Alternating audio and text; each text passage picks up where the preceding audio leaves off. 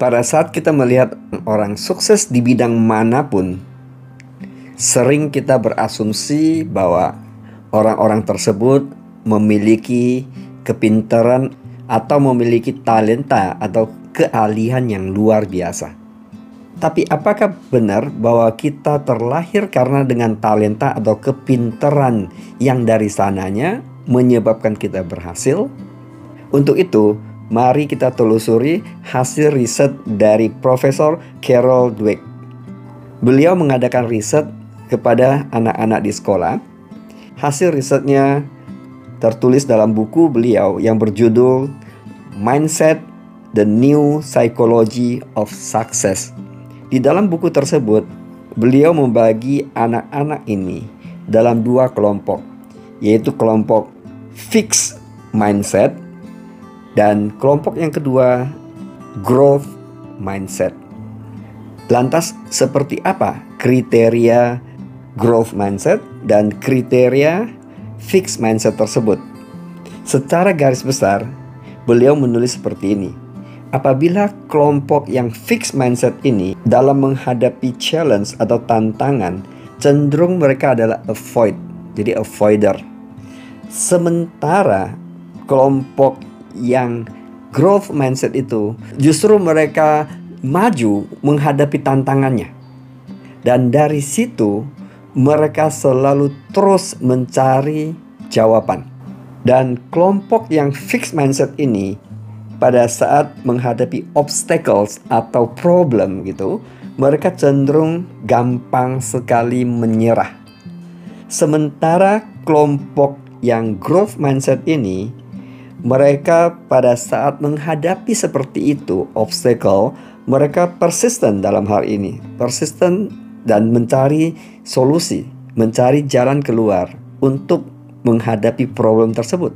Kelompok yang fixed mindset tersebut, mereka biasanya kurang berusaha. Sementara yang growth mindset ini, mereka terus melatih diri mereka menghadapi segala macam tantangan. Dan kelompok fixed mindset ini tidak tahan terhadap kritikan mereka pada saat dikritik atau ada feedback, mereka cenderung tutup diri.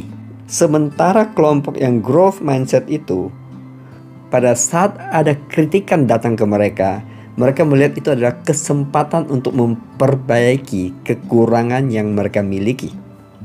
Dan menariknya lagi, kelompok yang fixed mindset ini, pada saat mereka lihat orang lain berhasil, mereka terintimidasi, terancam, dan biasanya kurang nyaman dan tidak happy. yang kita kenal kalau di masyarakat mungkin timbul iri gitu ya.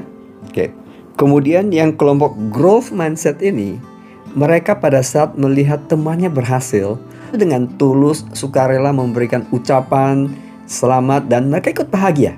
Dan itu adalah garis besar yang digambarkan di buku beliau yang berjudul Mindset The New Psychology of Success. Kalau kita simak hasil riset dari Profesor Carroll, kriteria yang dimiliki kelompok anak growth mindset tersebut adalah kriteria orang-orang yang sukses di berbagai bidang. Kesimpulannya, jika seseorang tidak dilahirkan dengan kepintaran bawaan atau keterampilan bawaan, artinya dia tetap berpeluang sebagai pemenang, berpeluang berhasil di bidang yang dia tekunin. Jadi find out the why-nya. Why is the answer di sini. Dan karena mindset is about belief.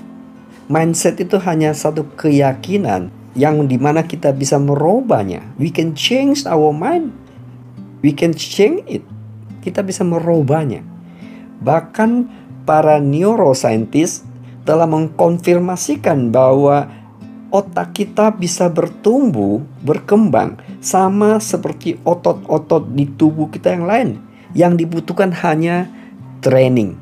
Jadi kalau kita perhatikan di fitness center, orang-orang melakukan angkat beban, push up dan sebagainya, mereka melatih muscle atau otot-otot mereka agar otot-otot mereka menjadi kuat. Dan sebenarnya otak kita sama. Intinya otak kita bisa terus belajar, terus berkembang. Istilah tentang otak kita terus bisa berkembang, bisa belajar, bertumbuh. Para neuroscientist mengatakan itu istilahnya adalah brain plasticity atau neuroplasticity. Kalau kita sudah menemukan jawabannya kenapa kita harus berubah, kenapa kita harus bertumbuh, tentu berikutnya ada komitmen di sini, yaitu keluar dari zona kenyamanan. Kalau kita tanya teman-teman kita yang binaragawan atau di fitness center kita tanya, badan mereka bisa six pack dan sebagainya. Pada awalnya mereka juga melatih diri itu nggak gampang, harus menghadapi berbagai tantangan dan keluar dari zona kenyamanan. Tentang keluar dari comfort zone, ini apa yang dikatakan oleh Muhammad Ali saya benci setiap menit yang harus saya jalani untuk latihan. Tetapi saya berkata, jangan berhenti sekarang. Menderitalah sekarang dan hiduplah seterusnya sebagai seorang pemenang. Apa yang dimaksud oleh Muhammad Ali tersebut? Kalau kita simak, makna sesungguhnya dari Muhammad Ali adalah temporary pain kesakitan yang sifatnya sementara saja. Karena dia bilang, hiduplah seterusnya sebagai seorang pemenang. Muhammad Ali sudah tidak ada di bumi ini. Tapi sebagai champion kontribusinya ke bidang olahraga dia dan menjadi ikon di bidang olahraga tinju yaitu harga yang telah Muhammad Ali bayar. Satu hal tentang belajar, khususnya belajar apa pun yang kita tanamkan ke kita punya bawah sadar khususnya, subconscious mind gitu. Dan data itu simpan ke mana pun sampai kapan pun. Persis peribahasa Tiongkok mengatakan seperti ini. Kemauan belajar adalah harta berharga yang akan mengikuti terus sang empunya ke mana pun.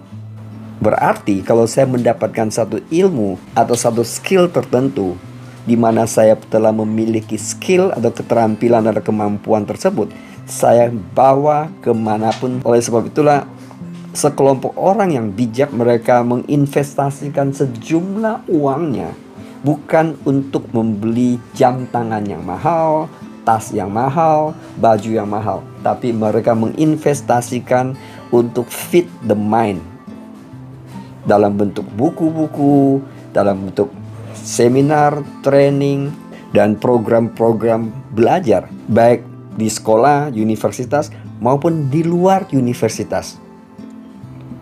Tentang belajar dan zona nyaman, saya bisa kutip kisah yang juga ada di buku saya Value Your Life. Ketika induk elang membangun sarangnya, dia memulai dengan duri-duri patahan ranting-ranting, batu-batu yang tajam, dan hal-hal lain yang kelihatannya menjadi landasan yang tidak nyaman. Namun kemudian ia melapisi sarang itu dengan lapisan wall.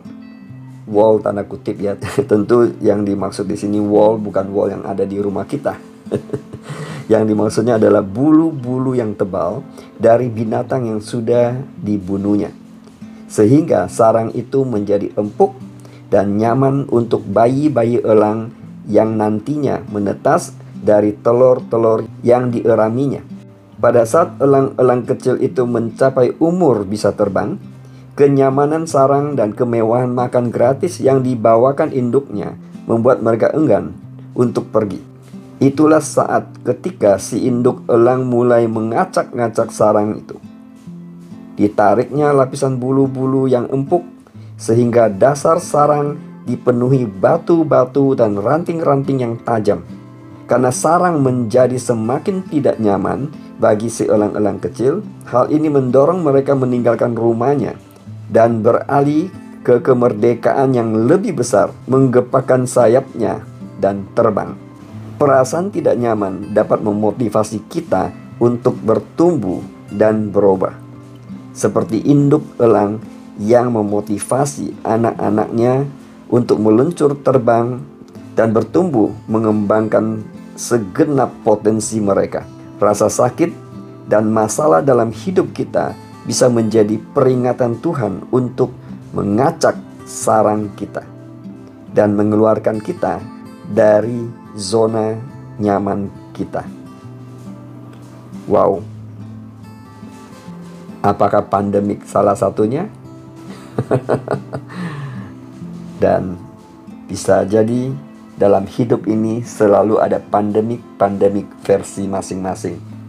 Tapi percayalah pada saat menghadapi pandemik-pandemik bentuk apa pun, ingat kisah elang tersebut. So, miliki growth mindset.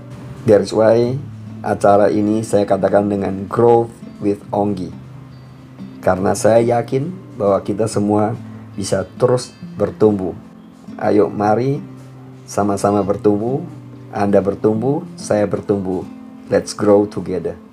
Thank you for watching. Bye.